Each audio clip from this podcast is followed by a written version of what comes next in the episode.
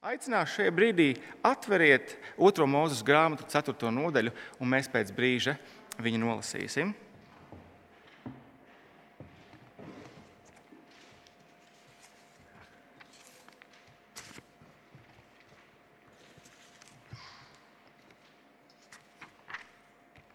Jūsu dekopuma lapiņās arī svētdienas satura izklāsts, ja tas palīdz nedaudz izsekot līdzi. Bet eh, šajā brīdī 69. lapas puse, otrā mūzes grāmata, nolasīsim visu ceturto nodaļu, un tad pārdomāsim to kopīgi.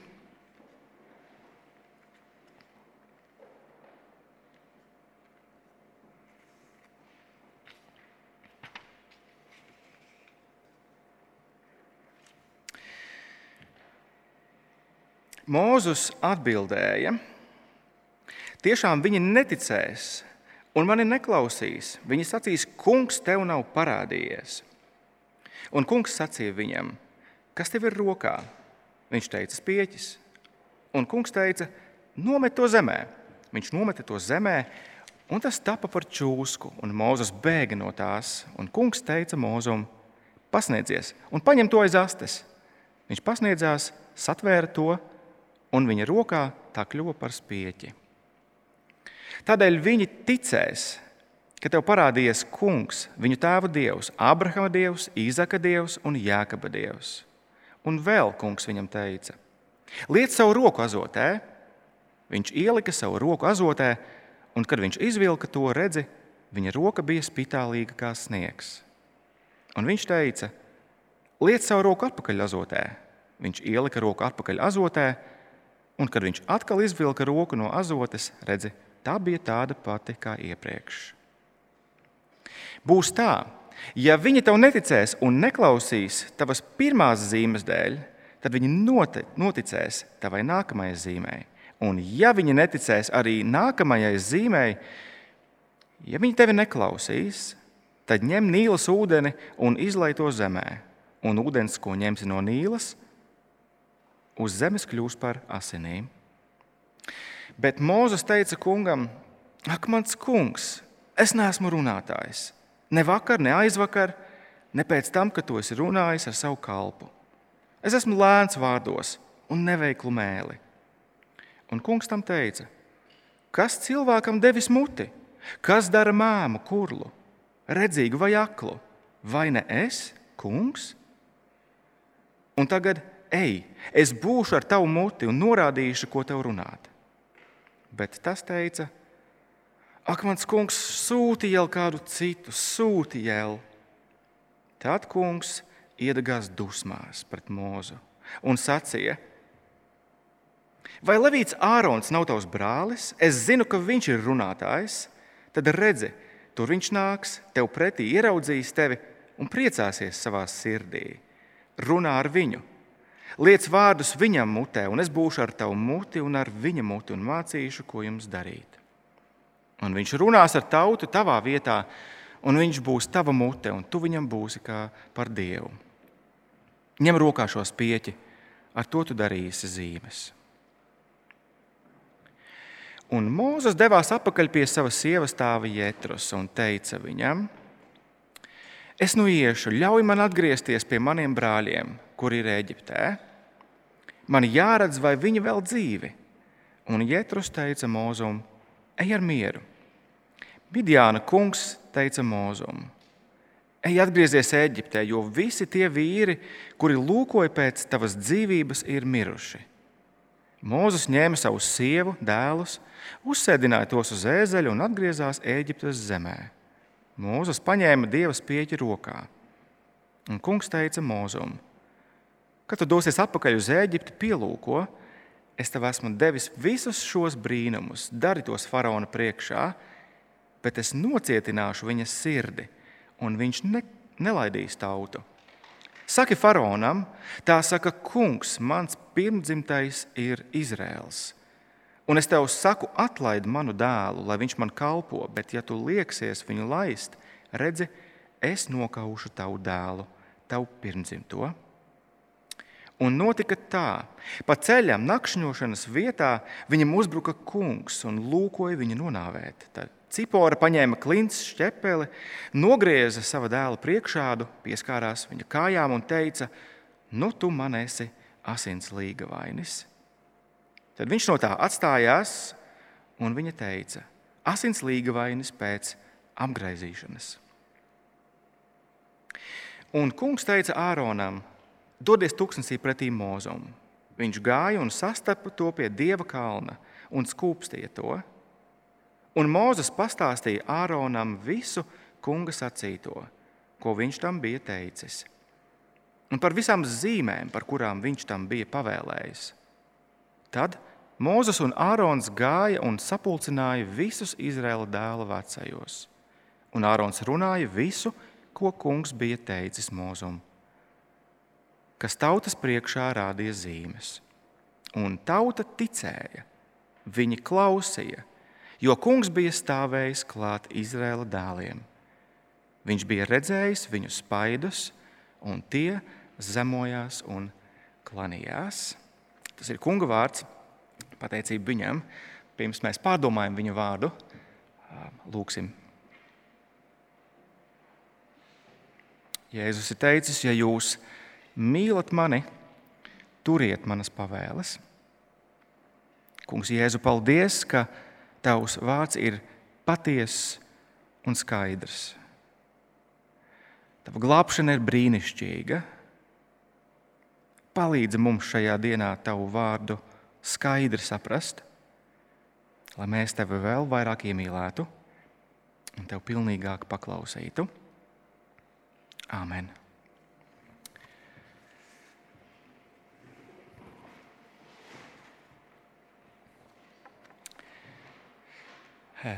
Mēs zinām no aizdītiem nedēļām, ka otrā mūzes grāmata runā par to, kā Dievs atklājas saviem ļaudīm. Viņš atklājas kā uzticams atbrīvotājs, kurš izglābs viņus no Eģiptes verdzības attiecībām ar sevi. Dievs atklājas, Dievs ir atbrīvotājs, Dievs glābj attiecībām ar sevi. Tās ir lielās uh, otrās mūzes grāmatas tēmas. Bet tās ir nevien grandiozas tēmas, draugi. Grāmatas sižeta līnija ir tik dramatiska, tik spriedzes pilna, ka pat Holivuda nav spējusi atturēties no tās ekranizācijas. Pazīstamā režisora Ridlija Skota Exodus ir lielisks piemērs tam. Filma ir patiešām, patiešām iespaidīga. Protams, ņemot vērā to, ka Ridlijs Skots ir neticīgs, kristum neticīgs, filmas priekšplānā ir nevis personisks un visu varants dievs, bet gan varonīgais glābējs, cilvēks Mozus. Un tas nav nekāds pārsteigums vai ne pasaulīga režisora daļradē, bet jāsaka, ka tas ir liels pārsteigums otrās mūzes grāmatas pirmajās divās nodaļās.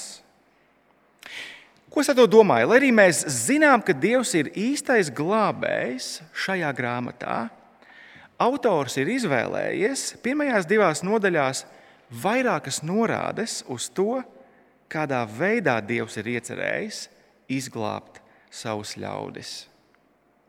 Dievs pat īsti nefigurē pirmajās divās nodaļās. Viņš it kā ir fonā, it kā. Un veids, kā viņš ir nolēmis izglābt savus ļaudis, ir tik tiešām Mozus. Redziet, eh, vairākas norādes. Varat izsekot man līdzi. Dievs dzirdēja savu ļaužu nopūtas otrās nodaļas beigās. Viņš redzēja viņu apspiešanu, bet pirms tam, 2.11. Mozus redzēja savu lau, eh, viņa ļaužu klaušu spaidas. Un viņš nevien redzēja, bet viņš rīkojās. Mozus sita eģiptieti, Tāpat kā Dievs vēlāk sitīs visus eģiptiešus. Ļoti cerīgs sākums. Problēma vienīgi tajā, ka varenais atbrīvotājs Mūzus nobīstas. Viņš bēg. Mūzus pazaudē savu ietekmīgo amatu Eģiptes pārvaldē, viņš bēg no savu tautiešu vidus uz Midjānu. Kā Dievs varēs īstenot savu vērienīgo glābšanas operāciju, ja Mozus ir pazudis no skatuves? Bet autors turpina dot cerību. Midijānā esot, ieskatieties, 2,17. Eģipte, eģiptietis Mūzes izglāba sava topošā sievas tēva avis.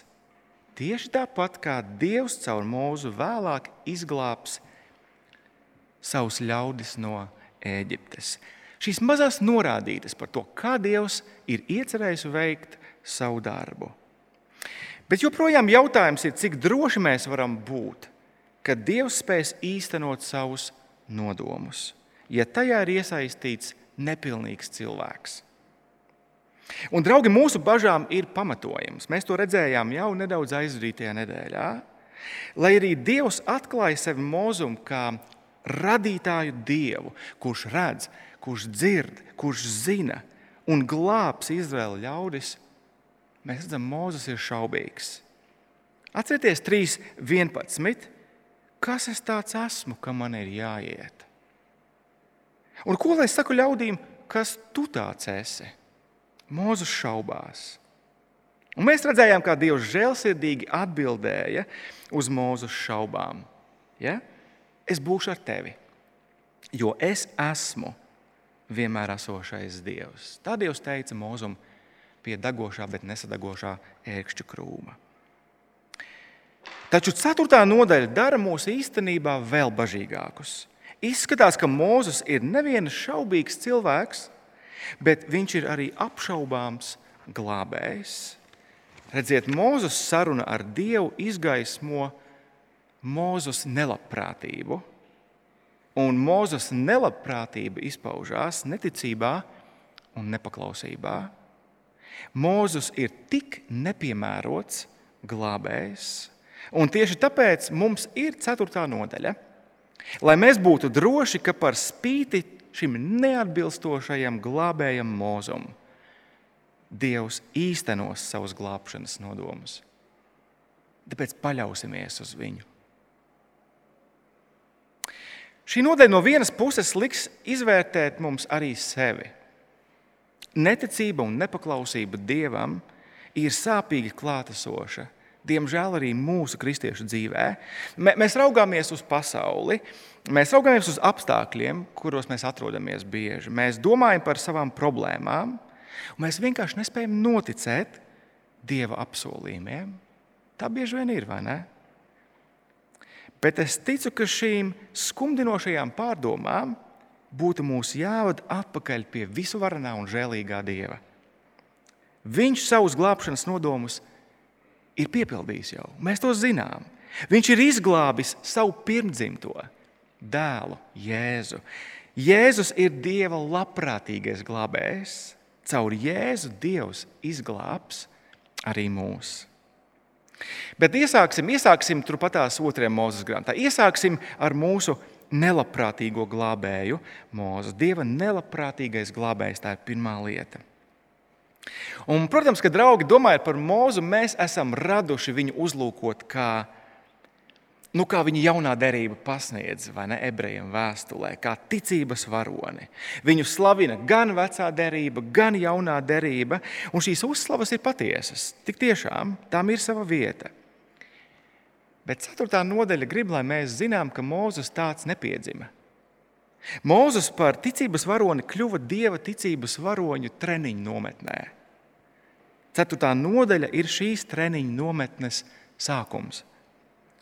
Mūzis ierodas šajā treniņu nometnē kā noguris un nelabprātīgs pusaudzis. Viņš netic treneru vārdiem un, un meklē katru attaisnojumu, nedarīt to, ko viņa treneris saka. Mūzis ir neticīgs.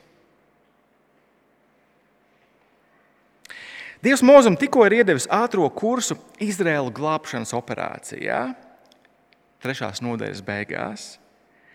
Bet Mozus velk no kabatas pirmo attaisnojumu, kāpēc nekas neizdosies. Ieskatieties, 4. nodaļas pašā sākumā, 1. pantā. Mozus atbild Dievam, tiešām viņi neticēs un mani neklausīs. Viņi sacīs, Kungs tev nav parādījies. Un no 2. līdz 9. pantam Dievs uzrunā mūzu. Un viņš saka, ar, ar šo cilvēku neticību mēs tiksim galā. Tā nav problēma. Lūk, tev mūzu trīs zīmes, kas viņus pārliecinās par gaidāmo glābšanu. Pirmā, mūzu nomet zemē savu spieķi. To izdarot, protams, ka Mozus laidās lapās, jo spieķis bija pārtapis par čūsku. Un tad Dievs saka, Mozu, ņem, ņem atpakaļ šo čūsku aiz astes. Un to darot, tā viņa rokā pārtapa atkal par spieķi. Otrā, otrā zīme Mozus, te būs vēl viena. Ieliec sev roku, roku azotē. Un draugi izvelkot to ārā, Mozus roka bija pārklāta ar spitālību, nedziedināmu slimību. Un ieliekot to vēlreiz azotē, Mozus redzēja, kā spitālība ir pazudusi.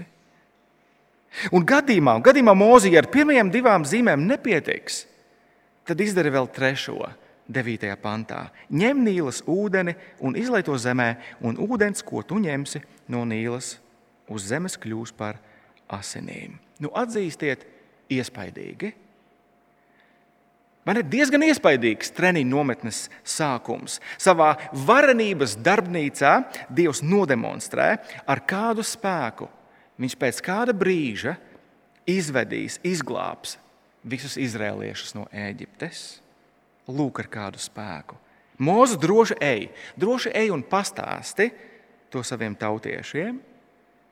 Bet ko dara Mūzes? Ieskatieties desmitajā pantā. Bet Mūzes teica kungam, Ak, mans kungs, es neesmu runātājs. Ne vakar, ne aizvakar, ne pēc tam, kad to esmu runājis ar savu kalpu. Es esmu lēns vārdos un neveikls mēli, neveiklu mēli. Mūzes savā nelabprātībā faktiski ir iedzinis pats sevi stūrī. Dievs taču tikko nodemonstrēja sava radītāja dieva spēku. Pareizi. Bet Mūzes neticība pārspēja viņa saprātu. Viņš saka, man ir neveikla mēlē. Vai jūs ieraugāt, cik līdz smieklīgumam ironiska ir šī situācija? Dievs tikko manu acu priekšā pārvērtis sausu spieķi lokanā čūskā, bet mana neveiklā mēlē būs par nepārvaramu šķērsli tavam darbam. Dievs panāk pretī mūzam, ieskatieties 11. un 12. pantā. Un kungs tam teica, kas cilvēkam devis muti? Kas padara mēmu, kurlu, redzīgu vai aklu? Vai ne es, kungs? Mūzu atceries, mūzu saproti, es esmu radītājs Dievs. Cik gan pacietīgs ir Dievs pareizi savā sarunā un saskarsmē ar mūzu. Vēlreiz ieraudzīsim, kā šī saruna ir attīstījusies. Mūzes trešajā nodaļā. Kas es tāds esmu, ka man jāiet? Dievs trešajā nodaļā. Es būšu ar tevi. Mūzes 4. nodaļā, kas es par runātāju? Dievs 4. nodaļā, es būšu ar tavu muti un norādīšu, ko tev runāt. Mūzu viss ir kārtībā. Es visu kontrolēju, es būšu ar tevi, es būšu ar tavu muti. Tu tikai ej un pastāsti, ka es glābšu. Vai Mozus tam ticēja? Kā tie slavenie latviešu multinē netic ticēja. Nē, ieskatieties, 4.13. Mozus teica, ak, mans kungs sūtīja vēl kādu citu. Sūtīja vēl. Mozus savā nelabprātībā tik tiešām uzvedās kā, kā pusaudzis. Viņš vienkārši saka, es negribu. Es negribu iet. Un turpina sēdēt savā telefonā. Protams, ka tālēni izsakoties. Mēs neesam pārsteigti pareizi ka šāda attieksme no Mūzes puses 14. pantā izsauc dieva kvēlas dusmas, tā aizdedzina dieva dusmās. Kāpēc Dievs ir dusmīgs? Mūzes lielā problēma ir, ir neticība dieva vārda spēkam. Viņš netic tam, ka Dievs būs ar viņu. Mūzes netic, ka Dievs palīdzēs viņam runāt, un Mūzes netic tam, ka cilvēki ticēs. Mūzes neticēja. Bet, draugi, kā ir ar mums? Uz brīdi apstājoties un padomājot. Jā, jā, es zinu, ka Dievs nav izraudzījis tevi un mani, lai mēs ietu pie Izraēla ļaudīm un lai mēs pastāstītu par to, ka Viņš glābs uh, viņus no Eģiptes verdzības. Citiem vārdiem sakot, mēs tik tiešām neesam Mūzes. Mums nevajag iedomāties, sevi par augstu esam. Un tomēr, tomēr Dievs katram kristietim ir uzticējis glābšanas vēsti. Liecību par Dieva varano glābšanu, glābšanu no grēka verdzības caur Jēzu. Kā ir ar mums un mūsu ticību Dieva vārda spēkam, šim darbam? Kā ir, vai mēs savā dzīvē kādreiz atpazīstam kādus no, no Mūzes attaisnojumiem? Vai mēs dažreiz neesam kā Mūzus? Mēs nelabprāt stāstām saviem līdzcilvēkiem par to, ko Dievs ir izdarījis caur Jēzu. Nu, es nezinu, kā jūs, bet es katrā ziņā raugoties uz Je Mūzes un, un Dieva sarunu, atpazinu kādus attaisnojumus, kas kādreiz parādās man. Piemēram, Dievs, kas es esmu, lai iet un teiktu viņiem? Es taču neesmu ne ar ko labāks par viņiem. Kas es tāds esmu, lai es iet un teiktu viņiem? Vai, vai piemēram, ja viņi man prasīs, tagad parādi, kur ir Dievs, un ko lai es viņiem atbildu? Ja viņi man prasīs, nu, kur tad ir tavs Dievs, parādi man viņu. Un tā es izmantoju šo attaisnojumu. Labāk neteikšu. Vai arī viens no vēl populāriem attaisnojumiem, ah, nu viņi tāpatās neticēs. Es esmu vienam otram teicis par Jēzu, bet nekas nav noticis. Viņi neticēs. Ir taču 21. gadsimts, katram savs. Ko es uzbāzīšos? Populārs attaisnojums pareizi. Un vispār, un vispār man nepadodas runāt, es esmu introverts. Labāk nemaz nemēģināšu.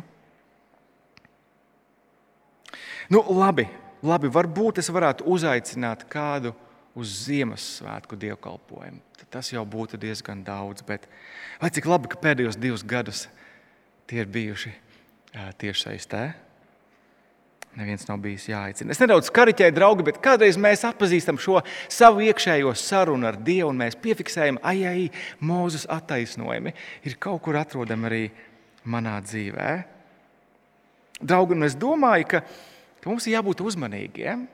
Es domāju, ka daļēji šī raksturvieta mums māca tās nolūks ir parādīt un brīdināt par to, ka, ka nelabprātība Mūzes un arī kristiešu dzīvē, kas izpaužās neticībā, viņa nepiedzimst vienā dienā. Tas nav kaut kāds eh, pēkšņs tāds, nē. Tas īstenībā ir ilgstošākas nepaklausības sekas. Tā ir otrā lieta. Mozus ir īstenībā nepaklausīgs. Kā tās iet uz priekšu? Mēs redzam, ka Dievs atrisina arī Mūzus mēlis problēmu. Viņa brālis Ārons kļūst par Mūzes ruporu. Kompromiss, ar ko Mūzes īstenībā var sadzīvot. Ļoti labi. Mūzes sapakojas, viņš sapakoja savu ģimeni, un beidzot viņi dodas prom no Midiāna zemes uz Eģipti. Mums ir progress. Bet pa ceļam, pa ceļam notiek viens no visdīvainākajiem atgadījumiem visā vecajā derībā. Taču šis atgadījums, manuprāt, dāvā mums ieskatu vēl vienā mūzes nelabprātības izpausmē, Mūzes nepaklausībā. Nolasīsim šo dīvaino gadījumu. Ieskatieties no 24. līdz 28. pantam. Un notika tā, pa ceļam nakšņošanas vietā viņam uzbruka kungs un lūkoja viņu nonāvēt. Tad Cipora paņēma klints šķepeli, nogrieza savu dēlu priekšādu, eh, pieskārās viņa kājām un teica: nu tu man esi asins līga vainis. Tad viņš no tā atstājās, un viņa teica, asins līga vainis pēc apgaizīšanas. Nu, Nevelti izlasot šos, šīs dažas rindiņas, mums jāsaka, tik tiešām dīvains notikums. Šajos pantos tik tiešām ir vairāk neskaidra nekā skaidra. Nav īsti skaidrs tas, ar kuru kungs cīnījās, ar mūzu vai ar mūzes pirmdzimto dēlu. Tāpat nav skaidrs, kura kājām cipora pieskārās - Mozus vai, vai Geršoma kājām. Nav īsti skaidrs, kāpēc cipora, nevis Mozus, apgraizīja eh, savu dēlu. Turklāt, kā cipora zināja, kas ir jādara, un ko nozīmē viņas vārdi - asins līgavainas. Draugi, šīs un citas lietas mums vienkārši paliek apslēptas, bet viens ir skaidrs - tas ir saistīts ar Mozus dēla Geršoma statusu. Proti, Mozus nebija veicis apgaizīšanu savam dēlam. Bet kas tur ir liels? Kas tur ir tāds? Mums ir jāsaprot, ka fons šim notikumam ir 1. mūzes grāmatā, 17. nodaļā. Kas tur notiek? Dievs ir izvēlējies vīru vārdā Ābrahāms. Viņš ir izvēlējies Ābrahāmu un noslēdzis ar viņu īpašas attiecības. Un, lai Ābrahams atcerētos, ka tās ir ļoti, ļoti īpašas attiecības, Dievs deva Ābrahamam zīmi. Visiem Ābrahama vīriešu dzimtas pēcnācējiem visās nākamajās paudzēs ir jātiek apgaizītiem. Lūk, šī zīme, pienākums obligāti. Turklāt tas, kurš ignorēs šo zīmi, tas, kurš to nedarīs, būs lauzis derība ar Dievu. Viņš tiek izsviests ārpus tautas. Vai jūs ieraugāt, cik nopietnās nepatikšanās šajā brīdī Mozus ir? Mēs īsti nezinām tos iemeslus, kāpēc Mozus dēls Geršoms netika apgaizīts. Bet mēs zinām to, ka Mozus Midijānā nodzīvoja 40 gadus. Un mēs saprotam, ka tie ir 40 gadi, kuros, kuru laikā Mozus ir prom no saviem ļaudīm. Mozus tāpēc ir prom no atgādinājuma par dieva derības nozīmi. Mozus visticamāk dzīvoja Midijāna priestera Eh, šajā pagānu priestera namā. Mēs varam iztēloties to spiedienu, ar kuru viņš saskārās savā, savā eh, sievas tēva pagānu ģimenē. Jā, iespējams, viņš bija runājis ar Ciporu par šo, eh, par šo derības zīmes apgaizīšanas nepieciešamību. Galu galā Cipora zināja, kas ir jādara pareizi. Un tomēr nekas netika darīts. Un kopumā šķiet, ka Mozus vienkārši bija sācis asimilēties vietējā kultūrā kultūrā, kura Dieva vārds un Dieva apsolījumi bija sveši. Un tāpēc, lai Mozus varētu būt par Dieva derības ļaužu atbrīvotāju, Mozum pašam bija jāsakārto savas lietas. Viņam pašam bija jāsāk godāt derību ar Dievu. Viņam pašam bija jāsāk godāt Dieva apsolījumi, bet bīstamība bija tajā, ka viņš to nedarīs. Un tāpēc mums šis dīvainais notikums. Taugi, mēs esam ieraudzījuši, ka Mūzes ļoti ātri no vienkārši šaubīga cilvēka kļūst par šaubīgu glābēju. Viņš īstenībā netic Dieva vārda spēkam, un mēs redzam, 40 gadu laikā viņa dzīve ir, ir, ir apliecinājusi īstenībā viņa nepaklausību Dieva vārda instrukcijai. Un atkal es domāju, ka ir labi šajā brīdī nedaudz, nedaudz apstāties un paprasīt Mums katram sev, kā, kā ir ar mums? Kā ir ar mums? Jā, atkal Dievs nav izvēlējies mūs par instrumentiem eh, Dieva derības ļaužu atbrīvošanai. Jā, jā mēs neesam Mozus. Pilnīgi skaidrs. Bet tajā pašā laikā, draugi, šī notikuma lielā patiesība principā attiecās arī uz mums. Kādā veidā? Caur Kristus darbu arī mēs esam kļuvuši par Dieva derības tautu jaunās derības ļaudīm. Dievs ar savu garu, kā raksti saka, ir apgraizījis mūsu neticīgās sirdis, kā to Pāvils eh, romiešiem otrajā nodaļā saka. Dievs ir apgraizījis mūsu sirdis. Un mēs ik viens Kristū tāpēc esam šīs uzticības derības attiecībās ar Dievu. Un šīm attiecībām līdzināk dažādas atbildības. Nē, Tas nav noteikumu un, un pienākumu saraksts, kas ir jāizpilda, lai mēs neizkristu ārā no derības ar Dievu. Nē, tā tas nedarbojās. Man, man patīk, kā vārds atbildība skan angliski. Ja jūs zinat, kā ir vārds atbildība, jūs varat noskandināt viņu sev angliski. Un proti, šis vārds atbildība pauž to, ka tā ir mana atsaukšanās Dieva spējai. Dieva spēja īstenot to, ko Viņš ir apsolījis. Un šī atbildība, draugi, iesniedzās visās mūsu kristiešu dzīves jomās. Pareizi. Uz brīdi ļaujiet man uzrunāt vecākus mūsu vidū, kas mēs esam vecāki. Vai nu tā, ka mēs lūdzam par saviem bērniem, pareizi mēs audzinām, mēs gribam audzināt mūsu bērnus kungā. Un tas nozīmē, ka mēs gribam pasludināt bērniem, varnās un brīnišķīgās Kristus evaņģēlīja patiesības, ka Viņš ir kungs, ka Viņš ir glābējs, ko Viņš ir izdarījis. Un mudināt šīs patiesības uztvert nopietni. Un padomājiet uz brīdi, cik neatbilstoši, cik neatbilstoši būtu savā ģimenē audzināt tādus mazus pagāniņus. Un ar moralizēšanas palīdzību censties padarīt viņus vienkārši par labiem cilvēkiem. Cik tas būtu Dieva derības un viņa darba necienīgi.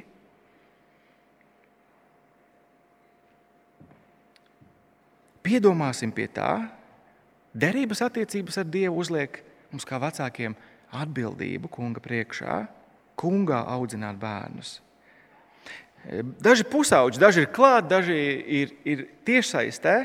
Pusauģis var tikai iztēloties, ar kādu veidu spiedieniem jūs saskaraties savā ikdienā apkārt esošās populārās kultūras spiediens, nerakstītās draugu un, un skolas briedu prasības, e, kurš atbildīs kādai konkrētai grupai, vai tu iedarēsi vai tu neiedaries kādā grupā. Kā izskatās, kā runā, kā uzvedās forša meitene vai, vai foršs džeks? Draugi, cik svarīgi ir tas, ka esot skolā, kur mēs esam, esot savu draugu vidū, mēs atceramies, ka Jēzus ir mans glābējs, mans varenais glābējs. Viņš ir mani pieņēmis, viņš ir mani pieņēmis, un viņš mani mīl. Un tāpēc nav vienalga, kā es izturos, nav vienalga, ko es saku, nav vienalga, ko es daru, nav vienalga, ko es daru ar savu ķermeni, jo viņš ir mans glābējs. Un, draugi, mēs visi pārējie, cik svarīgi ne, ir turpināt mums visiem kopā Dievu vārdā un lūgšanās vienam otru visu laiku iedrošināt un atbalstīt. Jo vēlns ir viltīgs, mēs to zinām. Viņš izmantos bieži pat tik daudz labas lietas, lai atņemtu mums ko? Laiku, spēku, motivāciju kalpot Dievam, motivāciju kalpot Dieva ļaudīm. Viņš apbērs mūs ar hobijiem, viņš apbērs mūs ar darbiem, viņš apbērs mūs ar, ar mācībām, projektiem, rūpēm par putniem un dzīvniekiem un daudz ko citu, lai tikai mums neatliktu laiks sadraudzībai. Dieva vārdā, aizlūgšanā vienam par otru. Atpazīsim šīs vilkmes savā dzīvē, atpazīsim vēlnu viltības, turpināsim viens otru iedrošināt. Mūsu derības dievs ir mūsu glābējs. Paļausimies uz viņu. Nu, varbūt šajā brīdī tiešām kādam sāks likties, ak, vai šī, šī ceturtā nodaļa nav pārāk iedrošinoša. Es pārāk daudz neticīgā un nepaklausīgā mūzus ieraugu savā dzīvē, un tas nav iedrošinoši. Un, draugi, tāpēc ir tikai vietā noslēgt ar, ar labajām ziņām. Pareizi. Labā ziņa ir tā, ka mūzus treniņu nometne nebeidzās 4. nodaļā. Mūzes treniņu nometnē īstenībā ilgst visu atlikušo mūzes dzīvi, kuras beigās Dievs ir izveidojis šo vīru par tiešām dižanu ticības varoni. Un tas tikai vēlreiz apliecina to, ka Dieva glābšanas darbs ir tikai un vienīgi Dieva paša rokās. To nespēja sabojāt pat neatbilstoši cilvēki instrumenti, tādi kā Mozus, tādi kā es, tādi kā tu. Dievs izglābs savus ļaudis neatkarīgi no cilvēkiem. Tā ir otrā un noslēdzošā lieta pavisam īsumā. Dievs izglābs savus ļaudis. Izlasīsim kopā 4. nodaļā, no 21. līdz 23. pantam. Un kungs teica Mozum, kad tu dodies vai dosies atpakaļ uz Eģipti, pielūko, es tev esmu devis visus šos brīnumus, dari tos faraona priekšā bet es nocietināšu viņa sirdi, un viņš nelaidīs tautu. Saki faraonam, tā saka, kungs, mans pirmdzimtais ir Izraels, un es tev saku, atlaid manu dēlu, lai viņš man kalpo. Bet, ja tu lieksies viņu atlaist, redzi, es nokaušu tavu dēlu, tavu pirmdzimto. Dievs visu kontrolē. Viņš zina, ka Izraēla vecākie mūzum ticēs, viņš to zina. Viņš zina, ka faraons neticēs un neklausīs, bet beigās salūzīs. Dievs zina to visu. Un Dievam viņa ļaudis ir tik īpaši, ka viņš tos dēvē par savu dēlu, par savu pirmdzimto. Dievs ir nodevies saviem ļaudīm, Dievs glābs savus ļaudis. Ja faraons mocīs un nelaidīs Dievu pirmdzimto, Dievs sitīs, nonāvēs faraona pirmdzimto. Taugi mēs esam aicināti Dievu iepazīt kā nemainīgo es esmu. Visu, ko viņš saka, viņš piepilda. To viņš ir darījis visu laiku, visā cilvēces vēsturē. Neviens viņa nodoms nav apturams, neviens nav maināms, neviens nav palēlināms. Tā laika varenākā persona, varenākais valdnieks, faraons, viņam ir vienkārši nekas. Un kāda ir atbilstoša atsaukšanās šādam dievam? Ieskatieties, noslēdzošajā 31. pantā. Un tauta ticēja. Viņi klausīja, jo kungs bija stāvējis klāt Izraēla dēliem. Viņš bija redzējis viņu spaidus, un tie zemojās un klanījās. Lūk, cik atbilstoši atsaukšanās tam, ko Dievs ir teicis par to, ko viņš darīs. Tauta nešaubās, tauta tic, tauta paļaujās. Ja viņa apstākļi joprojām ir grūti, viņu vadonis ir pabeidzis tikai pirmo klasi Dieva treniņu nometnē, bet tas nekas. Viņa zina, ka Dievs izdarīs to, ko viņš caur mūzu teicis. Draugi, galu galā šī raksturvieta ir milzīgs iedrošinājums arī mums. Padomājiet, Dievs spēja izglābt savus ļaudis no Eģiptes ar neticīgā un nepaklausīgā mūzes starpniecību. Viņš to izdarīja. Cik daudz drošāk Dievs izglābs mūs ar savu mīļotā un līdz nāvei paklausīgā dēla starpniecību. Tas ir tas, ko Pāvils principā romiešiem vēstulē pasaka. Cik droša, cik droša ir tā gaidāmā glābšana, ko Dievs ir sagatavojis mums tajā dienā. Uzticēsimies viņam, noslēgsim arī lūgšanu.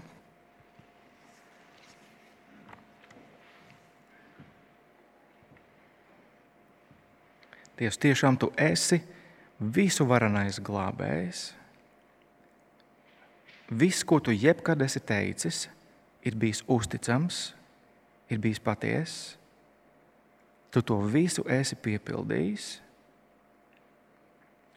Un Dievs, mēs, mēs lūdzam, domājot par mūzoku, ak, vairo mūsu ticību, ak, palīdzi mūsu neticībai bieži. Es esmu žēlīgs mūsu nepaklausībai, kad mēs šaubāmies par Tavu vārdu, kad mēs šaubāmies par, par Tavu darbu, Kungs. Piedod mums, kā mēs tiešām lūdzām Kristus nopelna dēļ. Piedod mums! Un stiprina kungs mūsu ticību un paļāvību šajā dienā, ka esot kopā un esot kopā ar Jēzu, kā tavi derības ļaudis, mēs noiesim līdz galam. Mēs piedzīvosim tavu varno glābšanu jaunajā, jaunajā apsolītajā zemē, kur taisnība mājo, kungs. Līdz tam palīdz kungs mums iet ticībā Jēzus vārdā. Amen.